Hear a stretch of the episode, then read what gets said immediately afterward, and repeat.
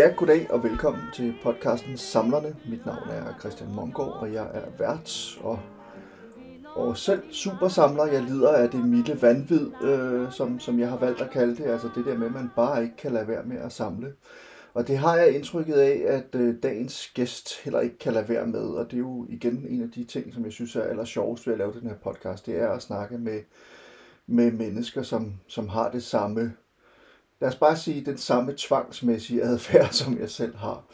Og derfor så vil jeg nu byde velkommen til Jonas Schmidt. Velkommen, Jonas. Mange tak, Og jeg og tænkte, tak fordi jeg må være med. jamen, øh, jeg er utrolig glad, fordi du ville være med.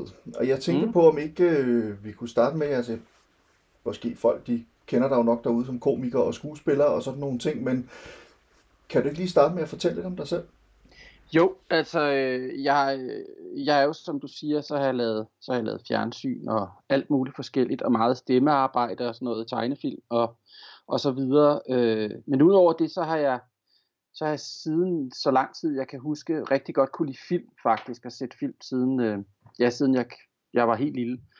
Øh, og har jo, øh, har, elsker jo Star Wars og, og Indiana Jones og nu har, nu har faktisk, nu står der en lille dreng her, der, der har snedet sig ind. Min mindste søn Alfred, som jeg også filmer meget med i øjeblikket, fordi vi har corona. Han, øh, jeg prøver til at træne ham op som, som, som jedi, men det er, det er hårdt arbejde, øh, og det, det bliver aldrig til noget, tror jeg desværre. Men, øh, men det er sådan en af de ting, der er opstået her i coronaen. Øh, Ja, ja, ja. og så, og, og så ud over, nu er han væk igen, og okay. så Okay. ud over, at han blev hentet af sin mor. Øh, og øh, udover det, så, øh, så, så kan jeg godt lide, øh, altså det, jeg kan godt, jeg, jeg kan, elsker legetøj, og det er jo en, det er jo, det er jo en af tingene, så ud over det, så har jeg altid godt kunne lide ting, der ligesom, når jeg havde set en film, så købte jeg altid soundtracket, det var sådan en, hvis det var en god film, altså, og hvis sound, øh, hvis, øh, hvis det var godt, øh, så købte jeg meget glad for John Williams selvfølgelig, som har lavet musik til Indiana Jones og- og Star Wars for eksempel, og Jaws og mange, mange, mange film. Øh, men så, købte, så var det sådan en tradition, fordi så kunne jeg gå hjem og høre soundtracket og komme lidt i stemningen igen, som, som jeg havde været i, i biografen. Og, øh, og så kom det der med ting lige pludselig, fordi hvis man så kunne få en ting fra en film oven i og høre sound, så var man ligesom, så skete der et eller andet, synes jeg. Og, og det, det, der startede det sådan med at, at samle på ting fra film, som, øh, som jeg også samler på. Hvad hedder det? Ja, altså så det der med ligesom at genopleve filmen på en eller anden måde via de genstande, som er knyttet til filmen.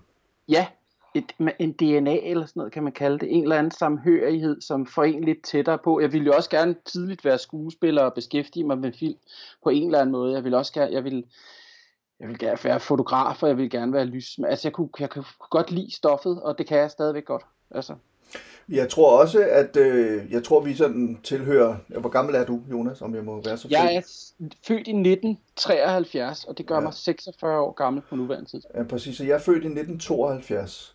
Ja. Så det vil sige, at vi tilhører samme generation, og at vi er vokset op med de samme populære kulturelle ting, tror jeg. Netop mange af de der, altså Spielberg, Lucas, Zemeckis ting, øh, Richard Donner ting fra 80'erne, de 70'erne og skabte et eller andet, 80'erne. som, som for mig står magisk, altså, og derfor så, og det er jo, øh, det er jo så både musikken, 80'er musik og 80'er, den synthesizer-lyden og sådan noget, har jo været ret populær de sidste par år, og det gør mig utrolig glad, fordi at, øh, altså nu siger jeg bare Miami Vice øh, temaet, for eksempel, altså den lyd det har, altså øh, det, det, det synes jeg er meget rart, at det ligesom er oppe i tiden, og Stranger Things, øh, første sæson, synes jeg også virkelig bragte mig tilbage Ja. på en måde. Og så er der netop det der med, du snakker om, som, som altså med Star Wars og Indiana Jones filmene, øh, øh, måske også Superman og sådan nogle ting. Altså der er sådan nogle film, mm. som har næsten fået sådan ikonisk status for, for, for mennesker i vores generation, og som jo netop også, hvor man så begynder at kigge tilbage og sige, eller og Blade Runner for den sags skyld, men at. Ja. der findes at der findes jo simpelthen legetøj, og der findes, øh, øh, hvad hedder det, rekvisitreplikager og alt muligt andet fra de her forskellige film, som man, som man jo så kan samle på, og når man så bliver lidt ældre og lidt, lidt mere købestærk, om jeg så må sige, så er ja. Det jo pludselig, man kan gå amok i, i alle mulige mærkelige ting der. Men, men lad os lige prøve at få indsnævret, hvad det helt præcis er, du samler på.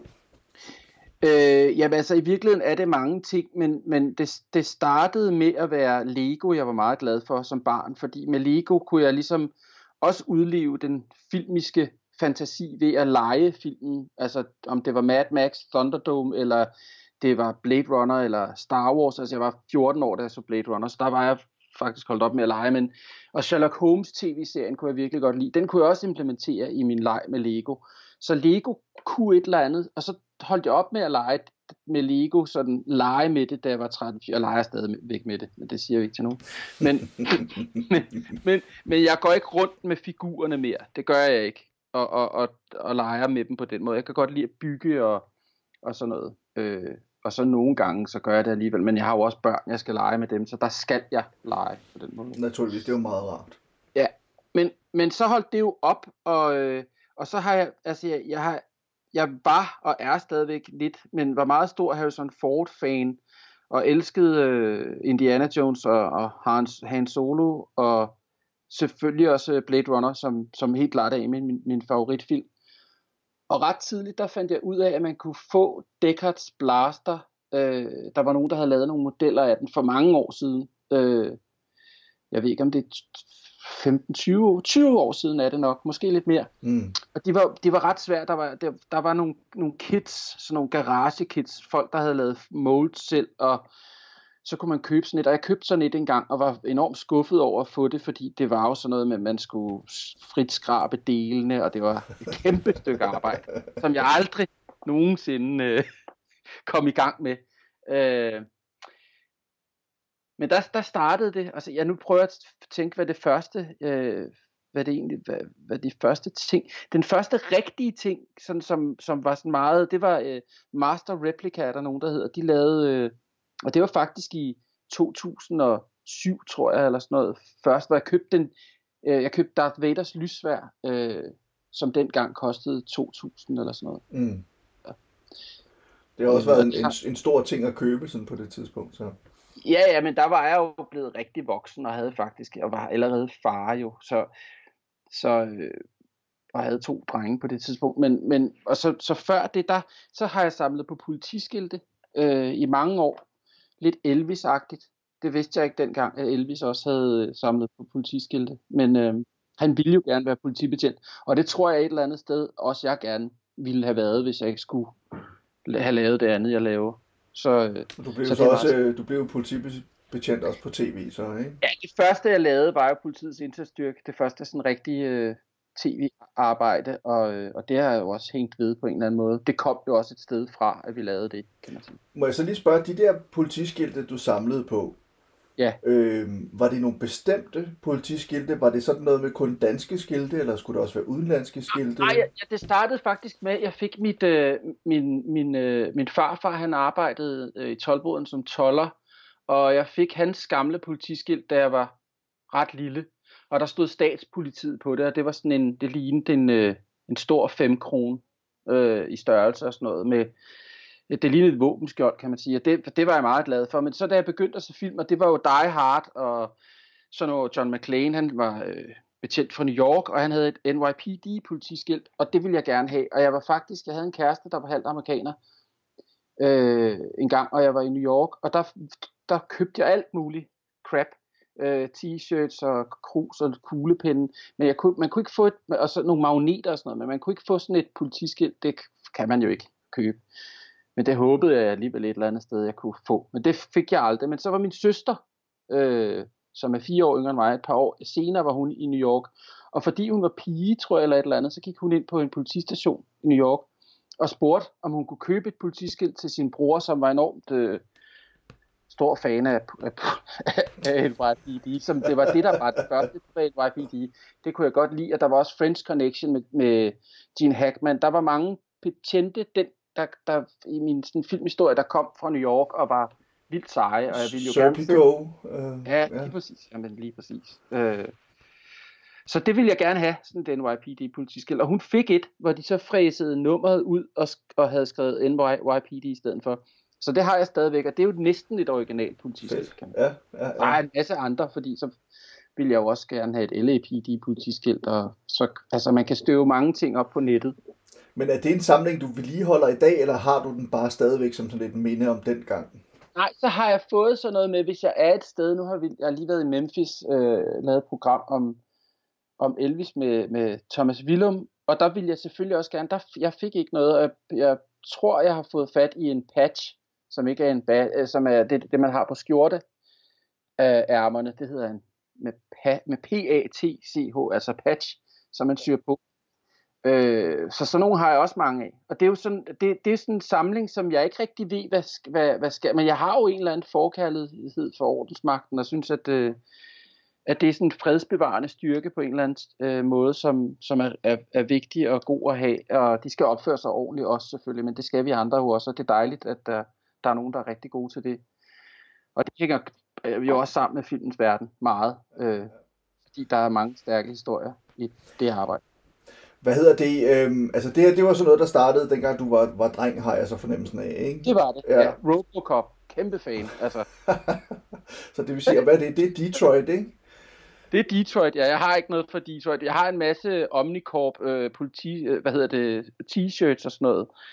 I, altså, igen, så jeg har noget, der, der og jeg har selvfølgelig også øh, en virkelig flot Peter Weller Hot Toys øh, Robocop-figur. Ja. Fedt. I øvrigt, så kommer jeg til at tænke på... Jeg har også et ja. 209, bare hvis der er nogen, der tænker, har du også det, så har jeg også et 209 af en, et dum robot. Hvad hedder det? Jeg kommer til at tænke på det der med Master Replicas, fordi det er jo netop sådan et, et, et, øh, et firma, som jo virkelig lever af sådan nogle samlere som os. Altså, ja. de, de laver jo de vildeste ting og de dyreste ting. Altså noget af det, jeg går og kigger på i øjeblikket, og jeg simpelthen ikke kan få mig selv til at købe, og samtidig heller ikke helt kan frigøre mig fra, at det bliver jeg nødt til, det er, at de har lavet en halv 9000 model, mm. øh, som er virkelig fantastisk. Altså øh, sådan en konsol ting fra, fra 2001, som kan tale og, og lave alt muligt. Øh, det som er virkelig fantastisk, men den er så dyr, så man tror, det er løgn, så det, det, det ender det nok ikke med. Men jeg kan fortælle dig, at jeg har en, øh, jeg har Gonzo stående på et bord her bag ved mig, i sådan en, øh, en Master Replicas figur fra, den er måske 15 år gammel, 10-15 år gammel eller sådan noget. De lavede Gonzo, de lavede Kermit og de lavede Animal, og de har simpelthen den, størrelse, den størrelse figur, som de brugte i Muppet Show. Så det vil sige, den, den kan ikke operere, man kan ikke stikke hånden op i den og operere den og, og bevæge den og sådan noget. Det er en figur, der bare ligesom... Øh, den skal bare stå ikke, og være udstillet, men det er samme størrelse som dem, de brugte i selve showet. Det er sådan noget, synes jeg også selv er, er helt fantastisk, og det kostede også en formue at købe dengang. Ikke? Men, men, øh, men og jeg går stadig og drømmer om at få råd til, eller ikke råd til, men måske så meget som at, at, ligesom at få overtalt mig selv til at købe både Kermit og, og Animal, så Gonzo han kan få lidt selskab. Ja, det er også lidt synd for ham, på den, at han skal være alene, kan man sige. Så nu må du ikke... Uh... Hvad hedder det? Uh... Jeg skal lige spørge dig, hvornår i, i alt det her samleri, fordi nu kan jeg jo, jeg kan jo høre på dig, at du samler på mange forskellige ting. Ligesom ja, og jeg, jeg kan også gør. godt mærke, når man sådan begynder at snakke om det, fordi at der, der, der sker jo noget med min iver, men det er simpelthen, og, og man, jeg kommer jo til at rante, fordi at det er så mange forskellige ting, og jeg prøver selv at binde trådene sammen, kan man sige, øh, men det kan man jo ikke rigtigt. Altså, øh, fordi det er jo noget, der opstår nogle gange, og så opstår jagten også, det der med at få fat i noget, der ligesom hang sammen med det andet og sådan noget. Det er jo, det er jo meget specielt egentlig. Ja, men der kan jeg, jeg kan tænke mig netop det der, nu snakker om det her med politiskiltene for eksempel, eller sådan noget, altså fordi det er jo noget, der godt kan være lidt svært simpelthen at få fat i de her originale politiskilte, så det, der bliver jagten jo, eller tilfredsstillelsen, når man så endelig får fat i noget, må jo næsten blive, må være ret stor. Ja, helt klart. Og, og, ja, og nogle gange så leder man efter noget, så finder man noget andet, som man ikke vidste, man manglede. Men det mangler man så, fordi man falder over det. og det, og det, er, jo, det er jo det, der, det er det, der er det vilde ved det. Og det er derfor, der opstår tråde, fordi så kan det være, det starter med, med, med de der politiskilt, men så finder man noget andet, som man tænker, det her, det skal jeg altså også, det, det, det kan et eller andet. Og hvis man, jeg har også, jeg har jo det skal jeg altid sige, når jeg går i gang med den her, fordi folk tror, jeg, jeg, kan, jeg kan også godt lide øh, våben, også våben for film og sådan noget, men, men igen er det noget med historien og i det der med, hvad våben kan som en historiefortæller i film. Altså det, har, og det er jo skidesvært at forklare egentlig. Men, øh, men det, det samler jeg også på, altså at trapper. Jeg har ikke nogen rigtige våben, og har ikke våbentilladelse, eller... Øh, og skal heller ikke have det. Men det der med at, at, øh, at samle på dem, og ja, altså jeg har, som jeg siger, jeg fik jo øh, Blast, Deckard fra Blade Runners Blaster til sidst for nogle år siden, der, øh, der var et, et japansk firma, som, som lavede, har lavet den, da, da toeren 2049 kom ud, og så, så fik jeg en der. Ja. Øh, Altså og en, som, lige- ikke, som, ikke, som du ikke selv skulle samle og male og Ja, sådan ja, noget. ja, lige præcis. En rigtig flot en, øh, som, som ligner en helt ny, hvis man fik Deckards Blaster som ny. Man kan få dem i nogle forskellige udgaver, men den jeg har, den ser helt sprit ny ud, som om den lige er blevet færdig på fabrikken. Og så kan man jo selv gøre den slidt, eller man kan, de har også lavet en version, som er weathered Mm. og ser slidt ud. Ikke? og har lidt patina.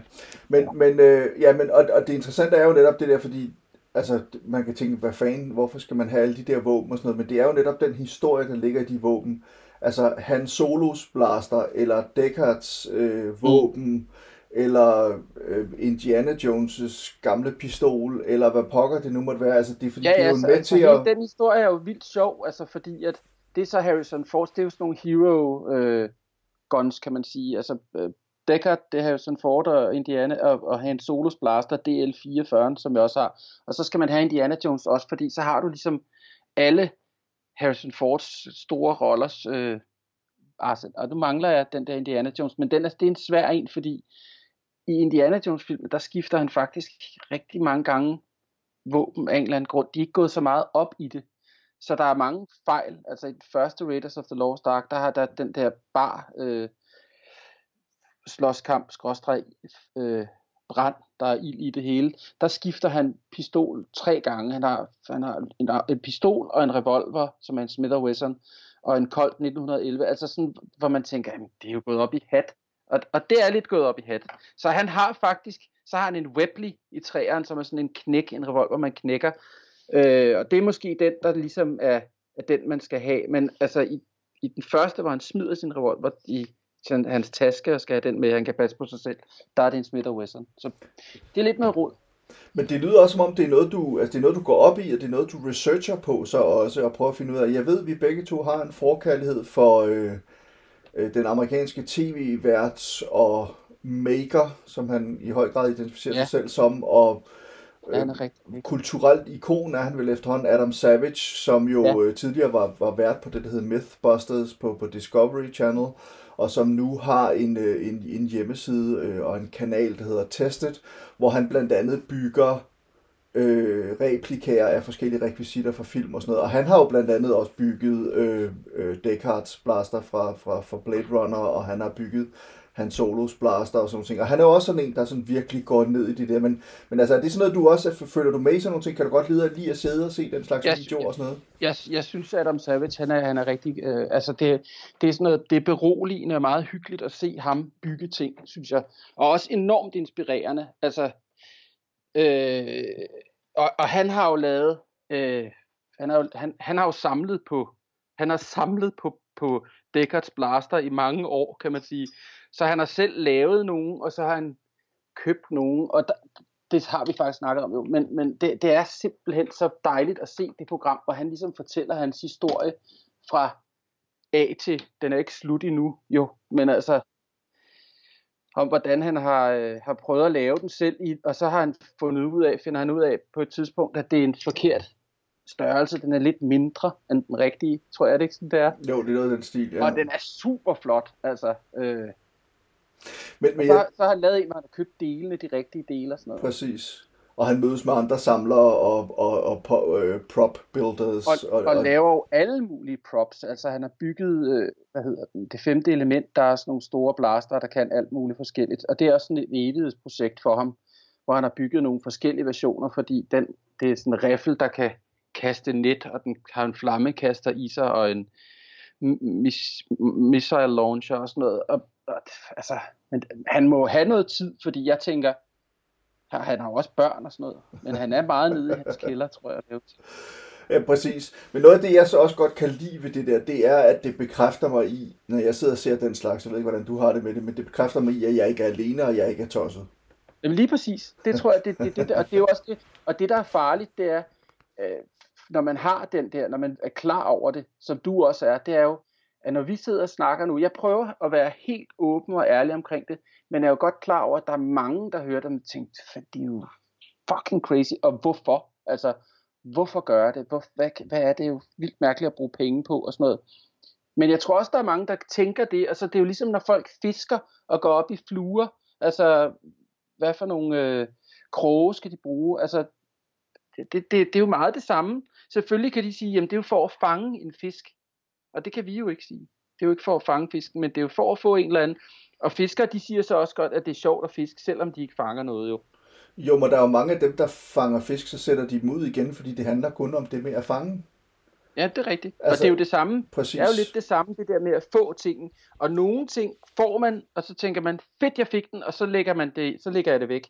Og så tænker jeg ikke så meget over det. Men de ting, jeg ligesom rigtig gerne, og jeg kan, jeg kan jo godt lide at tage min kasse frem, hvor jeg har småting i, som jeg har sådan småting, hvor min politiskilte er, og en kniv, jeg fik, da vi var i Norge, og altså mig og Willum og sådan noget. Altså sådan nogle ting, som man har fået på en tur eller et eller andet, det kommer jo til at betyde et eller andet, kan man sige.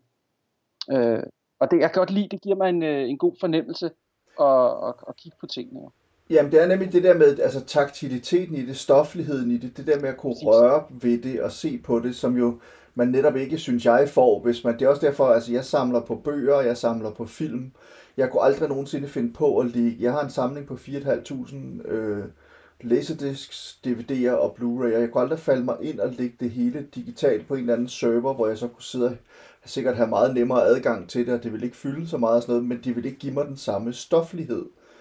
Nej. Det der med fornemmelse af at være omgivet af tingene, altså det fysiske i det, som jeg også synes Ja, ja. betyder utrolig meget.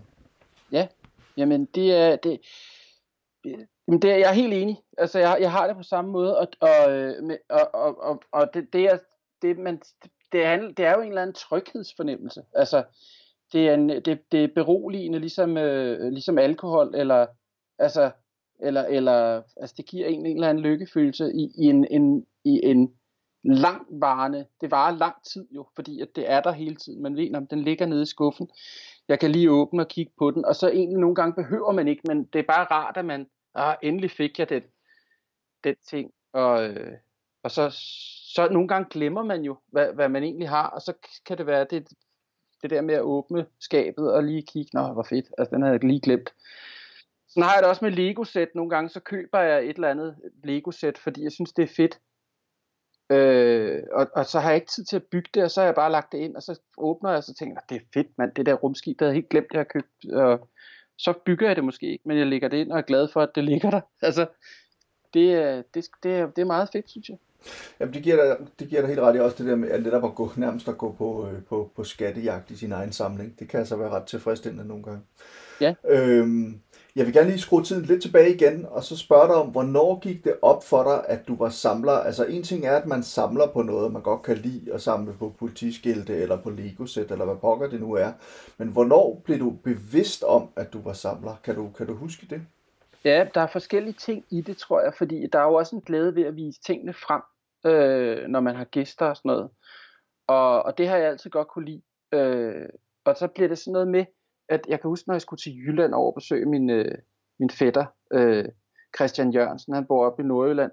Øh, øh, der, vi- han kunne også godt lide film og sådan noget, og, og der, der, der blev det lige pludselig meget fedt at kunne tage et eller andet med. Øh, og det bliver jo en del af det med at samle på ting, det der med, at man, enten er det, var det en film, John Woo-film, jeg havde fået på, øh, på VHS, øh, som vi skulle se, Hardboiled, jeg kan ikke huske, det var bare, nu kan, jeg kan ikke huske, hvad det var, men, men, men så, så var det fedt at have den med, fordi den, hvis, den har han ikke set, det tror jeg sgu ikke, og så ikke lade være med at sige noget om det.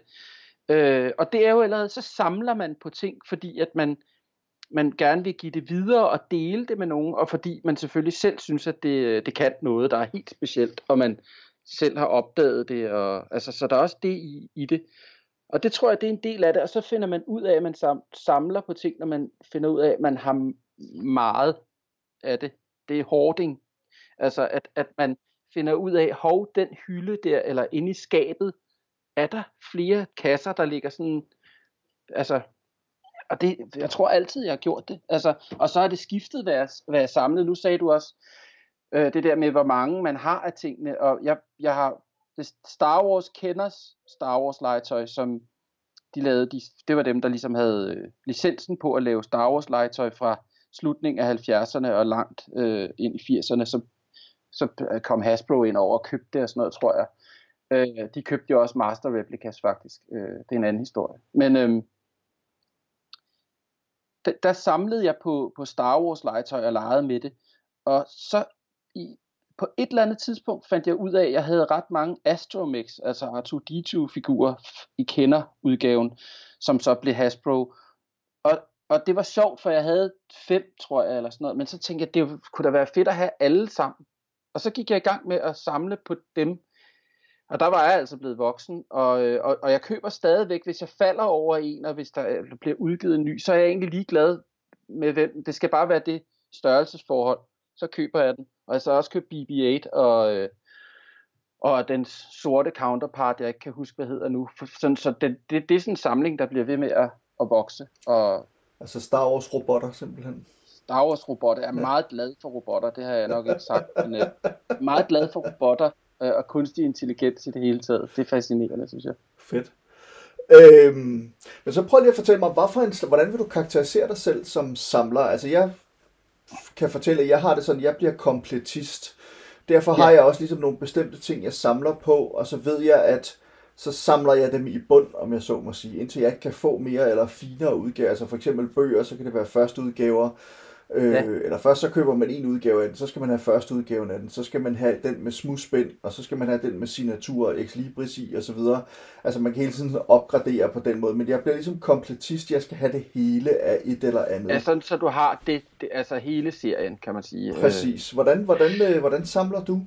Jamen jeg, jeg, jeg altså jeg, ser, jeg, jeg samler ikke på den måde. Altså, øh, det er jo egentlig, det er jo egentlig lidt trygt, kan man sige, hvis man kunne det. Men, men, og det er lidt, der, det er lidt derover af med, med Astromix-samlingen, kan man sige, fordi hvis man havde alle sammen på et tidspunkt, så ville det være rigtig sjovt, men det er ikke noget, jeg målrettet går efter. Altså, øh, fordi så, holdt jeg, så røg jeg lidt ud af det, så nu er det sådan lidt for sjov, når jeg falder over en, men der var en overgang, der ledte jeg efter den, kan man sige.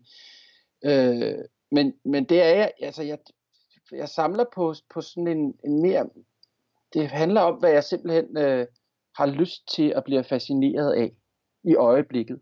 Øh, og det kan, det, det kan man jo måle helt tilbage til det der med at være inde og se, eller som lille se The Last Starfighter, og så blive fascineret, eller Back to the Future er nemmere at sige, og så være fascineret af det univers og sige, at på et tidspunkt, så er jeg helt sikker på, at jeg skal have en DeLorean. Øh, øh, og, øh, og så, så køber man sådan en. men, det, men det er meget interessant, fordi det er jo en enormt tilfredsstillende måde at samle på. Det er også en meget fri måde at samle på, men for mig har det også været en farlig måde. Men det er måde også noget rod. Ja, det præcis. Rod, jo. Og det, det er jo mere kontrolleret, kan man sige, fordi så finder man en ting, og så dykker du ned i den, og så dyrker du det fuldt ud der, der, der er mit jo slet ikke sådan. Men jeg må sige, det er jo også noget, jeg har gjort af nødvendighed, fordi jeg kunne mærke, at det blev for voldsomt på den anden måde. At det blev for meget, at jeg hele tiden lod mig impuls styre på den måde. Det gør jeg stadigvæk, altså det er ikke fordi, jeg ikke gør det. Men, men, men jeg kom bare til at gå i nogle retninger, hvor jeg så var nødt til at sige stop, fordi det her, det kan jeg ikke overskue i forhold til alt det andet, jeg så samler på. Og det er fordi samtidig med, at jeg så havde den der med, at jeg kunne gå i alle mulige retninger og samle på alt muligt og lade mig styre af min pludselige øh, indskydelse, så var jeg stadigvæk kompletist. Og når man ja. så lige pludselig er kompletist på 300 forskellige områder, det, det, det. så bliver det så for bliver meget. Det Ja. ja. Jeg kan for, så, at, altså, så det bliver det rigtig hårdt, ikke? Ja, præcis. Og jeg kan jo sige, at den, den seneste dille, jeg har fået, altså det er skrivemaskiner. Ej, hvor er det vildt. Men det skal være skrivemaskiner, der er med i film. Ja, ja, fedt. Det, det er jo så ja, måden at begrænse det, det, det på. Det giver mening. Ja. ja, ja, det er skidesmart. Præcis, ikke? Jo, og interessant også nu, synes jeg. Først så tænker jeg, fuck, altså, men, men, men nu, når du siger så synes jeg, det lyder sjovt. Altså, så jeg har for eksempel en, en, øh, en, sådan en moderne øh, designklassiker, en Olivetti plastikskrivemaskine, ja. som er med i Clockwork Orange. Det er en Alex, han har hjemme på sit værelse, for eksempel.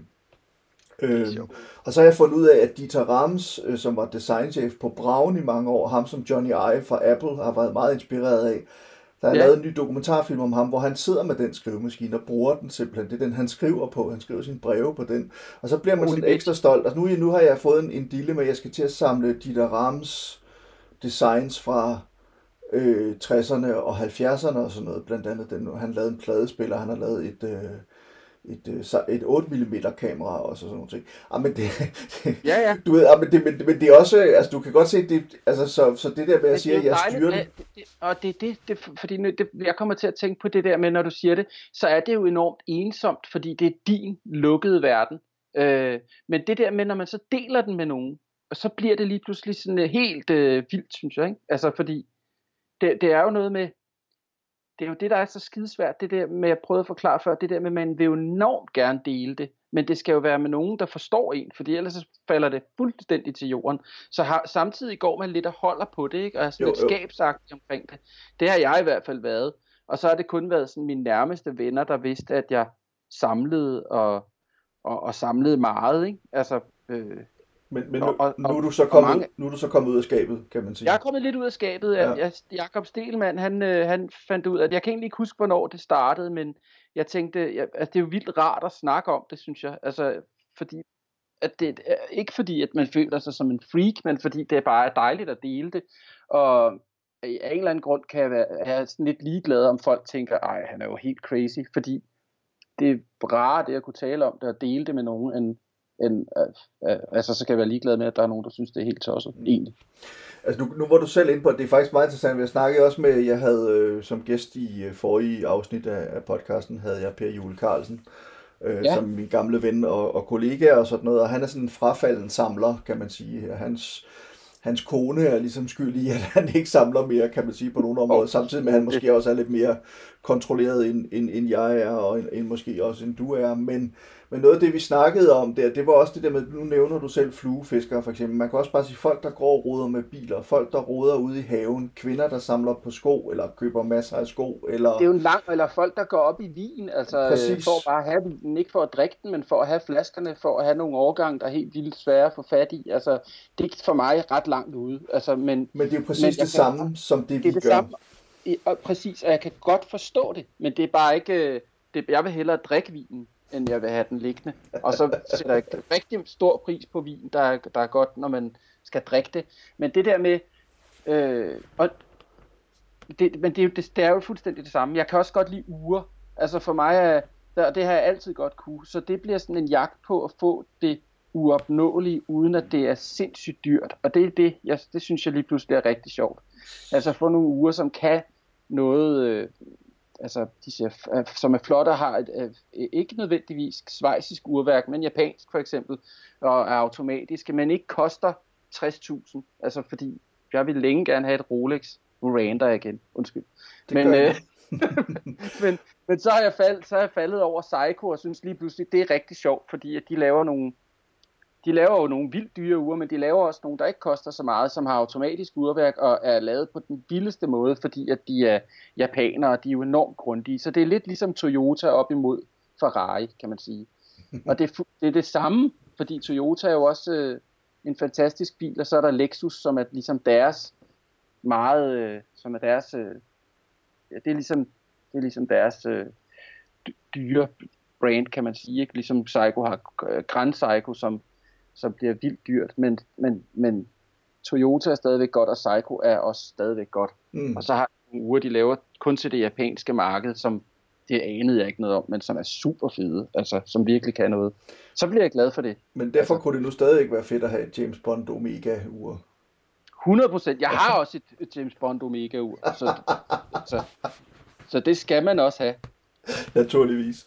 Øhm, hvordan, jeg er nødt til at spørge lidt om, hvordan du bruger din samling, fordi jeg ved jo godt, at, øh, at det måske er lidt usædvanligt, den måde, du har din samling på. Jeg kan fortælle, altså for min eget vedkommende, jeg tror, jeg at halvdelen af min samling er pakket ned, fordi jeg simpelthen ikke har plads til at have den stående fremme. Den anden halvdel står fremme. Alle mine bøger og film står for eksempel fremme, men meget af det legetøj, jeg har, jeg har også Har nogle, du, du har et kontor, hvor du kan have det? Ja, Jeg har faktisk he- hele min lejlighed, fordi mine børn de er så store, at de er, de er flyttet hjemmefra, og jeg er alene, så øh, jeg skal ikke okay, stå til ansvar bare- over for nogen. Så. Det, det er jo en helt anden verden, jeg er i. Men det er klart, altså så har du jo, så er du frit slag, som man siger, ikke? Præcis. Men hvordan, Alle. hvordan gør du med din samling? Jamen altså, jeg gør, jeg, jeg, jeg, jeg er meget sådan i kasse nu, hvor tingene de ligger nede i, øh, i nogle æsker, og så har jeg en skunk øh, på, på vores soveværelse, som, som, fordi vi bor på femte, Så der er skunke i den her lejlighed. Det er på Østerbro øh, i København, og det er jo nogle rigtig gamle, fine herskabslejligheder. Men der er sådan en, den er ikke isoleret heller over det hele. Så rundt omkring, der er sådan nogle skabe nede ved, ved, ved gulvet, hvor der kan være rigtig meget indeni. Øh, og så har jeg fået en skunk til mine ting, som jeg faktisk sidder ved lige nu inde på vores soveværelse, så jeg kan åbne og lukke op og kigge ind. Og jeg kigger derind nu og ja. kan se rigtig mange fede ting. Der ligger for eksempel en, øh, et, et, et Duplo-sæt, der hedder Duplo 2053, som er sådan en babyrangle-agtig ting fra, øh, fra 1980 okay. i original emballage, Uha, ja. som jeg har fået af min gode ven øh, Benjamin, som har den legetøjsbutik, der hedder Superheld. Ah, okay, ja. Han ved, jeg samler, og så, så øh, har jeg jo en lille dreng, som er øh, et år og 4-5 måneder nu. Og så synes han, Alfred skulle have den, tror jeg, eller også synes jeg, synes jeg, Alfred skulle have den, og så fik jeg den. Men så fik jeg den selv. Så nu skal Alfred ikke have den. Men Lenner ikke at pakke den op, jo. Nej, det var det. men, men det vil sige, en gang imellem, så sætter ja. du dig hen ved skunken. Ja. Og så åbner du, og så tager du noget ud, eller du har sikkert også nogle skuffer med nogle ting i og sådan noget, og så finder du det frem og sidder og kigger på det, og, og tænker over det, og føler på det og sådan noget. Ja, det gør jeg. Altså, og nu bliver jeg jo helt fjern, fordi nu fandt jeg også en, øh, en, øh, en Star Trek øh, Communicator, som, jeg, som faktisk Uh. er overdrevet fed, som er lavet af nogen, der hedder The Wand. Fordi vi snakkede om Master Replicas før, Ja.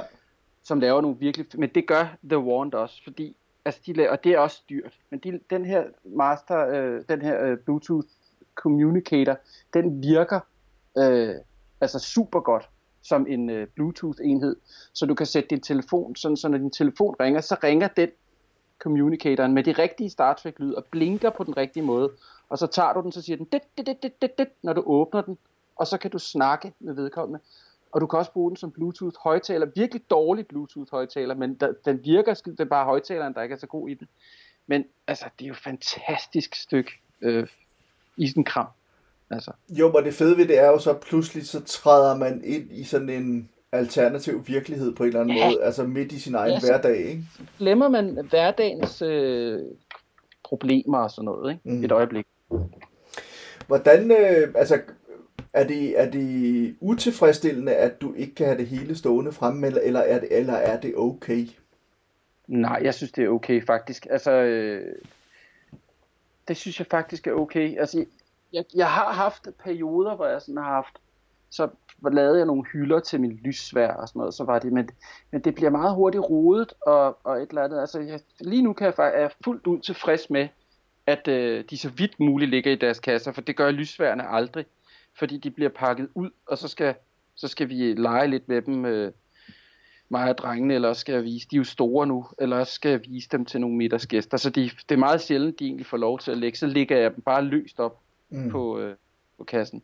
Jeg lavede også et program, der hedder Kender du typen på et tidspunkt, hvor, øh, hvor Darth Vaders lysvær faktisk var med i programmet, og der, der fik det en lille slag.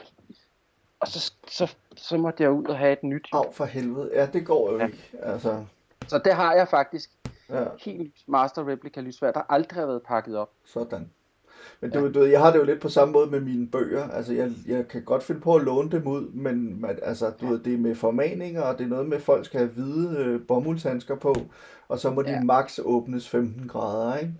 Jo, der kommer jeg til at tænke på DVD-samlingen jo, som, som desværre ikke rigtig findes mere. Men altså, sådan havde, har sådan, det der med at låne en, en film ud, det har også altid været lidt svært, synes jeg. Ja, præcis, fordi man får det sgu aldrig igen. Vel?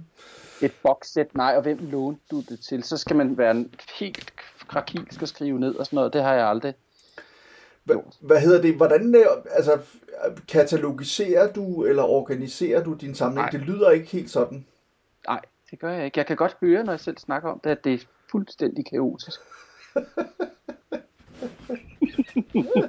det er jo noget værre rod i virkeligheden. Men det er fordi, det er ens selv, og det er så tæt på ens... Øh, fordi det er så egoistisk på en eller anden måde. Ikke? Altså, det er jo kun til ens egen øh, fornøjelse i virkeligheden. Og så det der med at vise tingene frem. Men det er jo, det er jo ting, som man selv tænker, fej, den er, den er så fed. Altså, den skal jeg have. Og så viser man den til folk, men folk er jo tit ligeglade, ligeglade med, at, at synes, at det er langt ud, at du har givet 12.000 for en, øh, for en eller anden replika af en pistol fra en film. Altså, hvad sker der for dig? Du har børn. Skal de ikke have mad? Jeg synes, det er billigt. Ja, det synes jeg også. Men det er jo også, vi samler, vi bliver nødt til at bakke hinanden op, og det der Ja. angår, ikke? Men, men, øh, men ja, nej, men altså et eller andet sted kan jeg meget godt lide, altså jeg har heller ikke alting katalogiseret. Jeg har, min film er katalogiseret, men det er simpelthen fordi, og, og stillet op i alfabetisk rækkefølge og sådan nogle ting, for ellers så kan jeg ikke Og de DVD'er, Blu-ray, Det er DVD og Blu-ray og Laserdisc, ja. Ja. Ja. Ja. Og, og hvis ikke jeg havde gjort det på den måde, så kunne jeg have, det er simpelthen fordi, at jeg kommer nogle gange til at købe dublerer, øh, eller dubletter af, ja, af du filmen. og sådan over den og tænker, ej. Præcis. Og så nogle gange køber du den alligevel, fordi glæden ved at købe den igen også kan et eller andet. Nå, men altså apropos Blade Runner, den har jeg øh, omkring 15 forskellige udgaver af. Ja. Øh, Men der er jo kommet nogle boxsets, hvor mange af dem er med i. Ikke? Præcis. Om det er også fordi, jeg har den på... Så Øh, har du de andre alligevel. Jamen, jeg har den i sådan 3-4 forskellige udgaver på Laserdisc, og så har jeg den øh, det samme på DVD, og så på Blu-ray simpelthen, ikke? Jo, hvad Øh. for er den rigtige udgave? Altså det sjove er jo, fordi jeg så den første, altså den fra hvad, 82, ikke? 1982. Jo. Præcis, med hans fortællestemme og sådan noget Du der. kan ikke spille, du ikke ved det. Undskyld. Du ved det jo godt, hvornår den er fra. Ja, det kan jeg nok, men prøv at lade være med at være alt for, øh, alt for virkelig dedikeret eller for vild. Men, men øh, nej, fordi jeg, det var den første, jeg så og forelskede Ja. ja. mig i, så synes jeg faktisk, det der med fortællerstemmen er ret fedt. Ja. Øh, men jeg må jo så samtidig... Ja, jeg, jeg, jeg, jeg, der, Ja. jeg er enig. Jeg skulle bare lige... Ja. Men samtidig så har jeg det sådan, at hvis jeg sidder og ser Final Cut, og især hvis når man ser den i biografen, i en 4K-udgave i biografen, så ser den jo simpelthen så fantastisk ud. Altså. Ja. Så det, det, det, jeg har det sådan lidt blandet med det, men jeg kan faktisk godt lide alle versionerne stort set. På nær måske lige den der happy end, der, der er skruet på. Øh, Ja. En af udgaverne, ikke? Den tidlige udgave. ja, det var faktisk den samme fra 1982. Præcis, præcis. Øh, hvordan, øh, så kunne jeg godt tænke mig at spørge lidt om, hvordan, hvordan du samler. Altså er det meget sådan noget med at, du ser en film, du forelsker dig i et eller andet, så går du på nettet for at se, om det findes. Øh, nu snakker du om Superhelten før, som jo også er en fysisk butik i, Ja. øh, ude på Østerbro. Øh, Ja. Du bor sikkert ikke ret langt væk fra den, kunne jeg forestille mig, så, øh, så du kan Nej. gå hen i den og, og stå og ose lidt foran vinduerne og gå ind, og, og, og du går sikkert også i farve cigar og, og i Ja, jeg vil sige, begge, de begge, både Superhelten og Farve Cigar har været, faktisk været nogle... Og i gamle dage var det... Øh, åh, der, øj, der fik jeg totalt øh, blackout. Hvad fanden hed nu? Fantastisk. Nå, ja, ja, og det var en tegneseriebutik, altså som, øh, som, stad, som, som jeg kom meget i. Men jeg vil sige, for Rave Cigar er jo også en gammel, de er jo, det er jo en kæmpe stor kæde efterhånden. Ja. Øh, men, men de har virkelig hjulpet mig. Øh, deres merchandise butik derinde har jeg jo har jeg lige, de har overtaget en softgun øh, butik, der hedder et eller andet Armory, et eller andet, men og der dukkede Han Solos DL44 så op, øh, og så købte, så købte jeg den derinde. Nå, Altså, ja, selvfølgelig, selvfølgelig. Men, men, men, præcis, det er fedt ja. at gå, for det, jeg synes, det er rigtig hyggeligt at gå ind i butikker og, og, og browse og kigge og sådan noget. Det elsker jeg virkelig, og når jeg er ude at rejse, går jeg også altid ind i en legetøjsbutik, hvis, hvis jeg kommer forbi en. Jeg synes simpelthen, det er så inspirerende og, og fedt. Altså, der er også igen det der med det taktile i det, at få det i hånden. Ja, ja, det er jo noget. på et eller andet. Det der med at gå på opdagelse, og det er altid Lego og Playmobil og slice-dyr, og altså, det er jo virkelig tit det samme. Men så finder man nogle gange et eller andet, som, som er noget helt andet. Mm. øh, en kuglebane eller et eller andet, som man synes er sjovt. Hvad? Eller jeg synes er Hvad med loppemarkedet og sådan noget? Er det noget, du bruger? Øh, ja, men det, jeg, jeg har også et eller andet med gamle ting, som, altså det, det er virkelig både og. Det nogle gange kan det være super spændende, og man kan faktisk næsten altid finde et eller andet interessant på loppemarkedet. Men der er også så meget crap og lort og Ja. skidt, at, at, og den del af det bryder jeg mig egentlig ikke så meget om. Altså, og så er der også noget med min tålmodighed, tror jeg. Så hvis der er for meget... Øh, men altså, Svend, min, øh, min dreng på 13 år, han samler på Pokémon-kort og sådan noget, så det er jo altid sjovt at lede efter dem, og så er der lige pludselig en, der sender, sælger sådan en ordentlig bund for 20 kroner og sådan noget, og så er det sjovt at købe dem, ikke? Mm. Altså, Hvad med, altså, øh, nu, nu snakkede du før om det der med, at det er sådan måske forholdsvis for nylig, at du i så, øh, altså, så at sige, er kommet ud af samlerskabet. Øhm, har, har du et netværk af andre samlere, du, du snakker med og, og, og deler erfaringer med, deler tips med, øh, nogle gange øh, køber andre ting af, eller er det mest noget, du har dyrket alene? Nej, der er sket lidt, der er sket lidt, jamen det har altid været sådan meget øh, mig selv, kan man sige, og så min tætte vennekreds, som jeg har haft, altså jeg har mange venner, jeg har haft i, i mange, mange år, og der er ikke nogen af dem, der ligesom samler på den samme måde, så der har det altid været mig, der gjorde det, og det, jeg tror, de synes, det er sjovt og sådan noget, fordi så hvis man har været på sommerhusdrengetur eller et eller andet, så har jeg jo igen haft luftpistoler eller softguns, og så nogle gange, så man kunne skyde efter dåser med og sådan noget, eller fjernstyret biler, eller noget andet legetøj, fordi jeg også godt kan lide legetøj. Og så er der nogle af dem, der er hægtet på, altså min rigtig gode best man øh, ven, øh, Jesper Vest, som også laver, han er lysmester, øh, og han, han, han har hugget lidt på, altså, og, og været med til at købe softguns og fjernstyrede biler og sådan noget. Og så har man delt det, men jeg har jo så været mere rodet og samlet på alle mulige andre ting, og der har det ligesom, det har meget været, været mit, synes jeg. Mm. Men her på det sidste er der sket noget, øh, fordi jeg er begyndt at snakke om det, og så, så møder man jo nogen, også nogen, som jeg har kendt i forvejen, som er ligesom, DL44, den har jo plastikgreb, og det kunne være fedt. Der er en, der hedder Kim Flygel, som jeg kender ret godt, øh, og han, det var faktisk ham, der havde hørt, at de havde den derinde i Farve Cigar, øh, inde hos Rune, og som, som så ringede og sagde, at de har den derinde, og den koster det, den koster, og så tog jeg ind og købte den.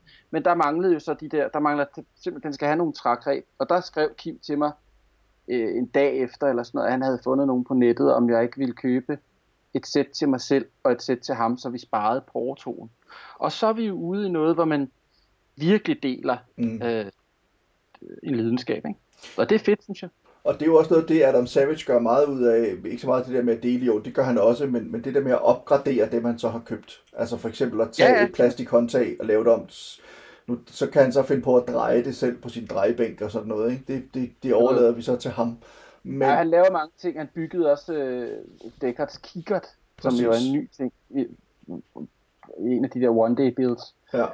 Og, og det er, altså, han har jo det vildeste grej nede i den dungeon man cave, ikke? Altså, ja, øh, og, men, men det er jo så fedt, og det, det ser så lækkert ud. Det har han bygget også Starlords øh, Sony Walkman, hvor, hvor man tænker, at i stedet for at købe den, finde den, så bygger han en kopi, som bare er en mock-up. Altså, ja. den kan overhovedet ingenting, men ligner fuldstændig. Altså, slet ikke se forskel Præcis. på den og den rigtige.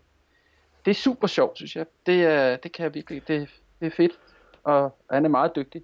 Er der, øh, er der en ting, altså hvis du, er der en ting, du leder efter? Altså er der, nu, nu har du både øh, Han Solos blaster, du har Deckard's blaster. Øh, er der noget, du mangler, synes du, i din samling? Det er der sikkert, men er der en ja, bestemt jamen, altså, ting?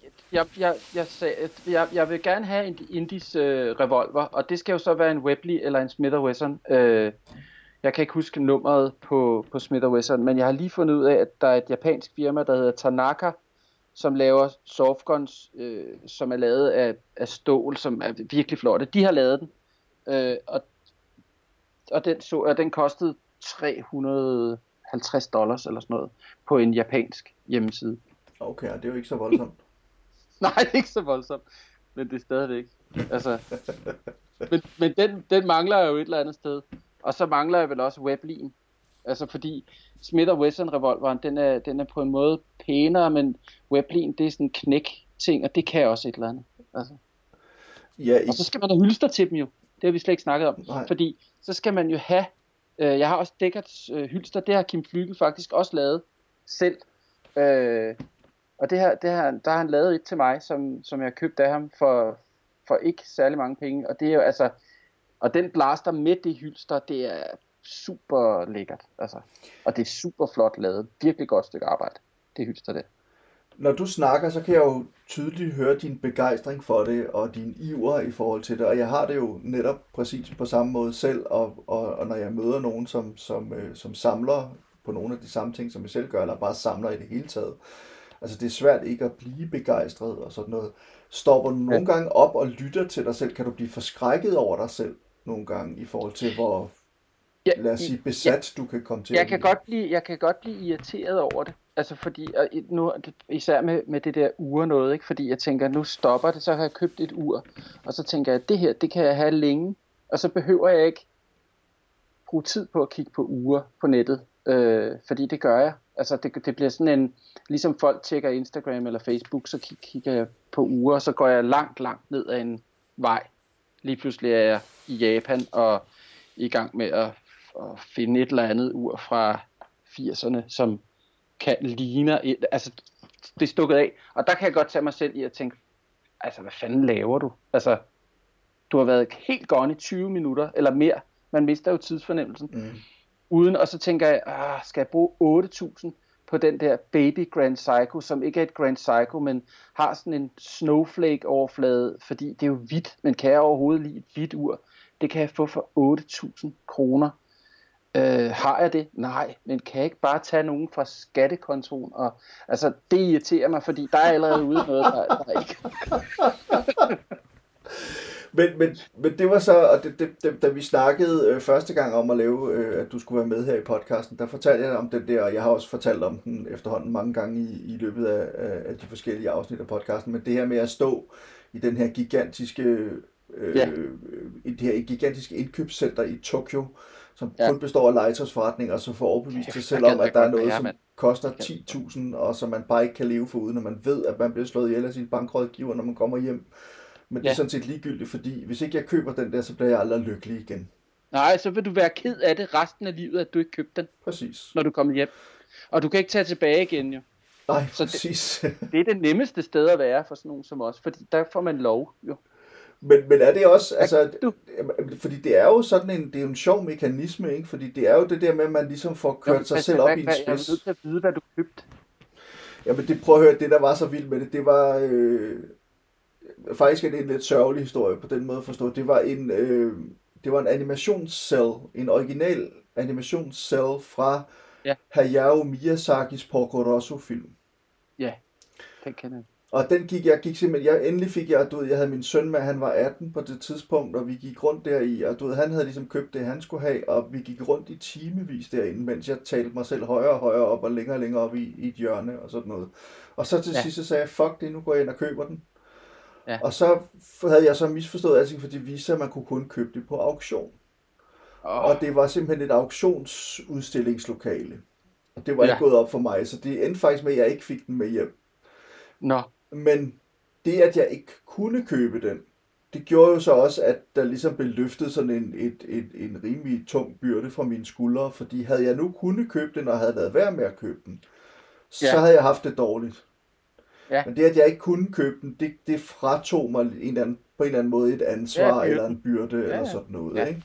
Så, øh, men, men altså, jeg vil sige, noget af det, det vildeste, jeg har, selv har købt, det er jo altså, at købe sådan en første udgave af øh, øh, Conan Doyles øh, Baskervilles hund på engelsk. Ja, bø- altså, bøgerne er ligesom det stærkeste for dig. Det er ligesom dit. det er nok der, ja, det er min kryptonit, ikke? det er Øhm, det, det, det, det kan jeg simpelthen ikke lade være med. Jeg har lige været ude og købe sådan en masse øh, bøger, første udgaver fra 40'erne og 50'erne af Earl Stanley Gardner, ham der skrev Perry Mason-romanerne. Ja. Så har jeg fået et flip, fordi nu kommer der snart en ny Perry Mason tv-serie, som jeg skal skrive om i min avis. Ja. Og så bliver jeg jo nødt til at have alle bøgerne, men jeg skal jo ikke have de danske udgaver, jeg skal have de amerikanske, men det er det jo da ikke Og det skal være første det er gang. først første udgaverne, og, og der skal jo være smudspind på. Hold kæft, man. det er et helvede. Jamen, du, altså du ved, man det er rav. og det, øh, altså, og, og det er jo der, jeg kan også godt nogle gange stå op og tænke, hold, nu stopper du. Altså nu, ja. lige præcis der, der stopper du. Men når jeg så får dem ind ad døren, altså udover at jeg synes, at, at forsiderne er helt, altså de der forsider, man lavede i 40'erne og 50'erne med sådan let påklædte damer og, og barske mænd med pistoler og sådan noget, det var så fedt, altså. Ja. ja. Øhm, Så så, det, er også, det kan jeg også godt lide, hele den der stil der. Altså, det, detektiver i 1920'erne, eller er vi så langt tilbage?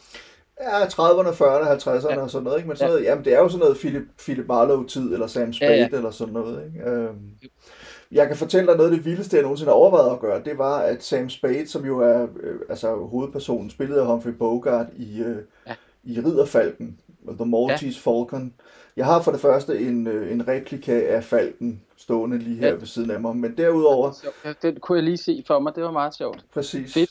Men så har der også, han har den her øh, spade, øh, øh, den her øh, kontordør, hvor der står hans navn på. Der står Archer Spades, tror jeg det er, i, i starten, fordi, og så er det hans makker. Sådan øh, blevet- glas. Ja, præcis sådan en Glas- glaskontordør, hvor det Ja. står på med Ja. malet på Ja. og sådan noget. Og sådan en dør har jeg prøvet at få lavet også, og sådan noget.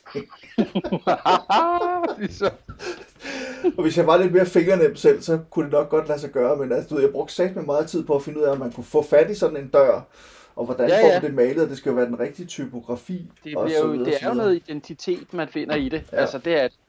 Men det, er jo- det, det er sådan en af de sidste ting, jeg så godt vil spørge dig lidt om, Jonas. Det er det her med, hvad, altså, der er jo mange mennesker, der netop kigger på os udefra og siger, I er tosset.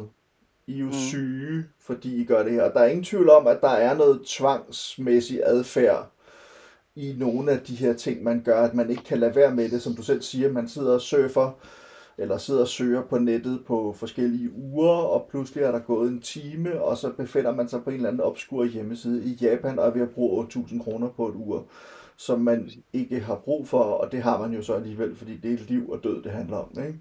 Jo. Øhm, hvordan har du, altså lige den del af det, altså du snakkede om det der før med, at du, bliver, du godt kan blive irriteret på dig selv og sådan noget, men, men har du nogensinde tænkt på det som, som forkert, eller som unormalt, eller, eller sådan noget? Altså, øh, Nej, jeg, altså, jeg, jeg tror, man, det er jo, det er jo, altså, jeg tror, jeg har selvindsigt, så jeg, jeg ved godt, jeg ved godt et eller andet sted, at, at, at jeg, men jeg vil ikke bruge ordet ikke er normal, fordi det er også så kedeligt, altså, men, mm, men jeg er jo ikke normal, jeg er jo ikke som andre mennesker, det er jo heller ikke igennem det, jeg laver og sådan noget, man, man er jo ligesom nødt til at finde noget, man er nødt til at finde inspiration, altså når man arbejder, det er jo en kreativ branche, jeg er i. jeg kunne mås- altså, det er ligesom at være maler eller sådan noget, men når man bruger sig selv og bruger sin fantasi og skal forestille sig, at man er andre mennesker og sådan noget, det er en leg jo, altså det er jo en leg, man ligesom, som jeg godt kan lide, men som man, jeg også er nødt til at dyrke, altså jeg er jo lidt nødt til, når jeg går rundt derhjemme, altså til at,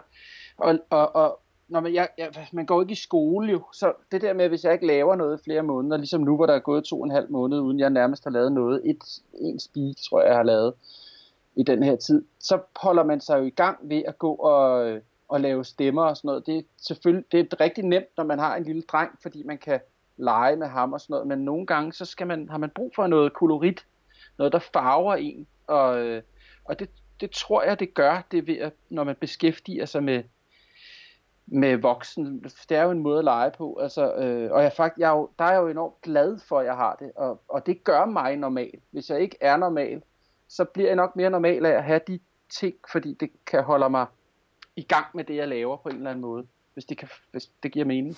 Men Det gør det. Jeg sad nemlig også og tænkte på det samme. Altså, jeg tror også i virkeligheden, det handler om at have noget at holde fast i. Altså, ja. det er noget at definere sig selv ud fra. Det er noget at finde mening i, i en verden, som ikke nødvendigvis giver mening. Ja, det, og det er jo nærmest en ekstension af en selv, faktisk. Altså, Ja. hvis man kan sige, det er en udtryksform.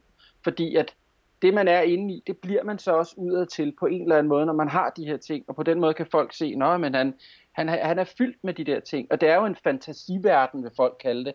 Men den fantasiverden bliver så ligesom rigtig på en eller anden måde, fordi man har de, de øh, effekter, man nu har, og kan sidde med dem og vise folk dem. Og, altså, øh, det er jo ikke rigtigt.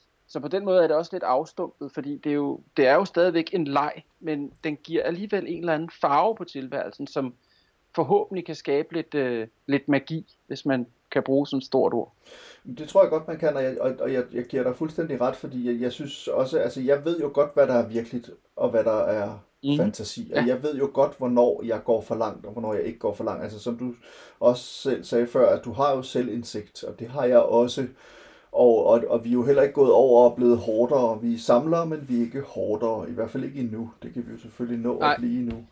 Livet kan tage mange øh, svipture. Præcis. Men jeg tror bare, at, at, at for mig at se, så er det også en måde at holde mig normal på, altså at holde mig ung på. Altså jeg bliver Ja. snart 50, det bliver så et lille år før du bliver 50, Og, Ja. og jeg kan da mærke, at, at det der med at, at dyrke de der bøger, jeg samler også på de tre detektiverbøger, selvfølgelig ikke kun de danske bøger, men også de amerikanske førsteudgaver naturligvis. Jeg sidder og venter på nogen lige nu, som meget gerne Ja. snart skulle ankomme fra USA. Og, Ja. og, og det er jo også en måde både at genopleve noget barndom på, og noget barn, altså det der tabte Klart. mytiske land, som var engang, men det er også bare en måde Ja, det har vi, det har vi heller Ja. ikke berørt, men det er Nej. også faktisk vigtigt for mig, det der med, med, med at, at, at man ligesom, det er lidt ligesom at kunne, man nogle gange kan smage, hvordan smagte agurk første gang jeg fik det, eller hvordan var lyset ude i gården, da jeg var lille. Altså, og der kan de ting virkelig noget, synes jeg, fordi at man kan, også med DL44, som jo er, har en solos blaster, da jeg fik den, der, det var det er så fedt, synes jeg, fordi det er jo ikke noget, man, det kan godt være, at man siger, at man prøver at skabe det, men det sker jo helt af sig selv. Når man sidder med den, så får man en eller anden reminiscens af, da jeg så Star Wars første gang. Altså, helt simpelt sådan en glæde. En lille bitte snært af det, men det, der er ingen tvivl om, at det er det, der sker. Øh, og det er jo sådan en direkte kanal, en tidsmaskine tilbage til ens øh, barndom. Det synes jeg er super fedt.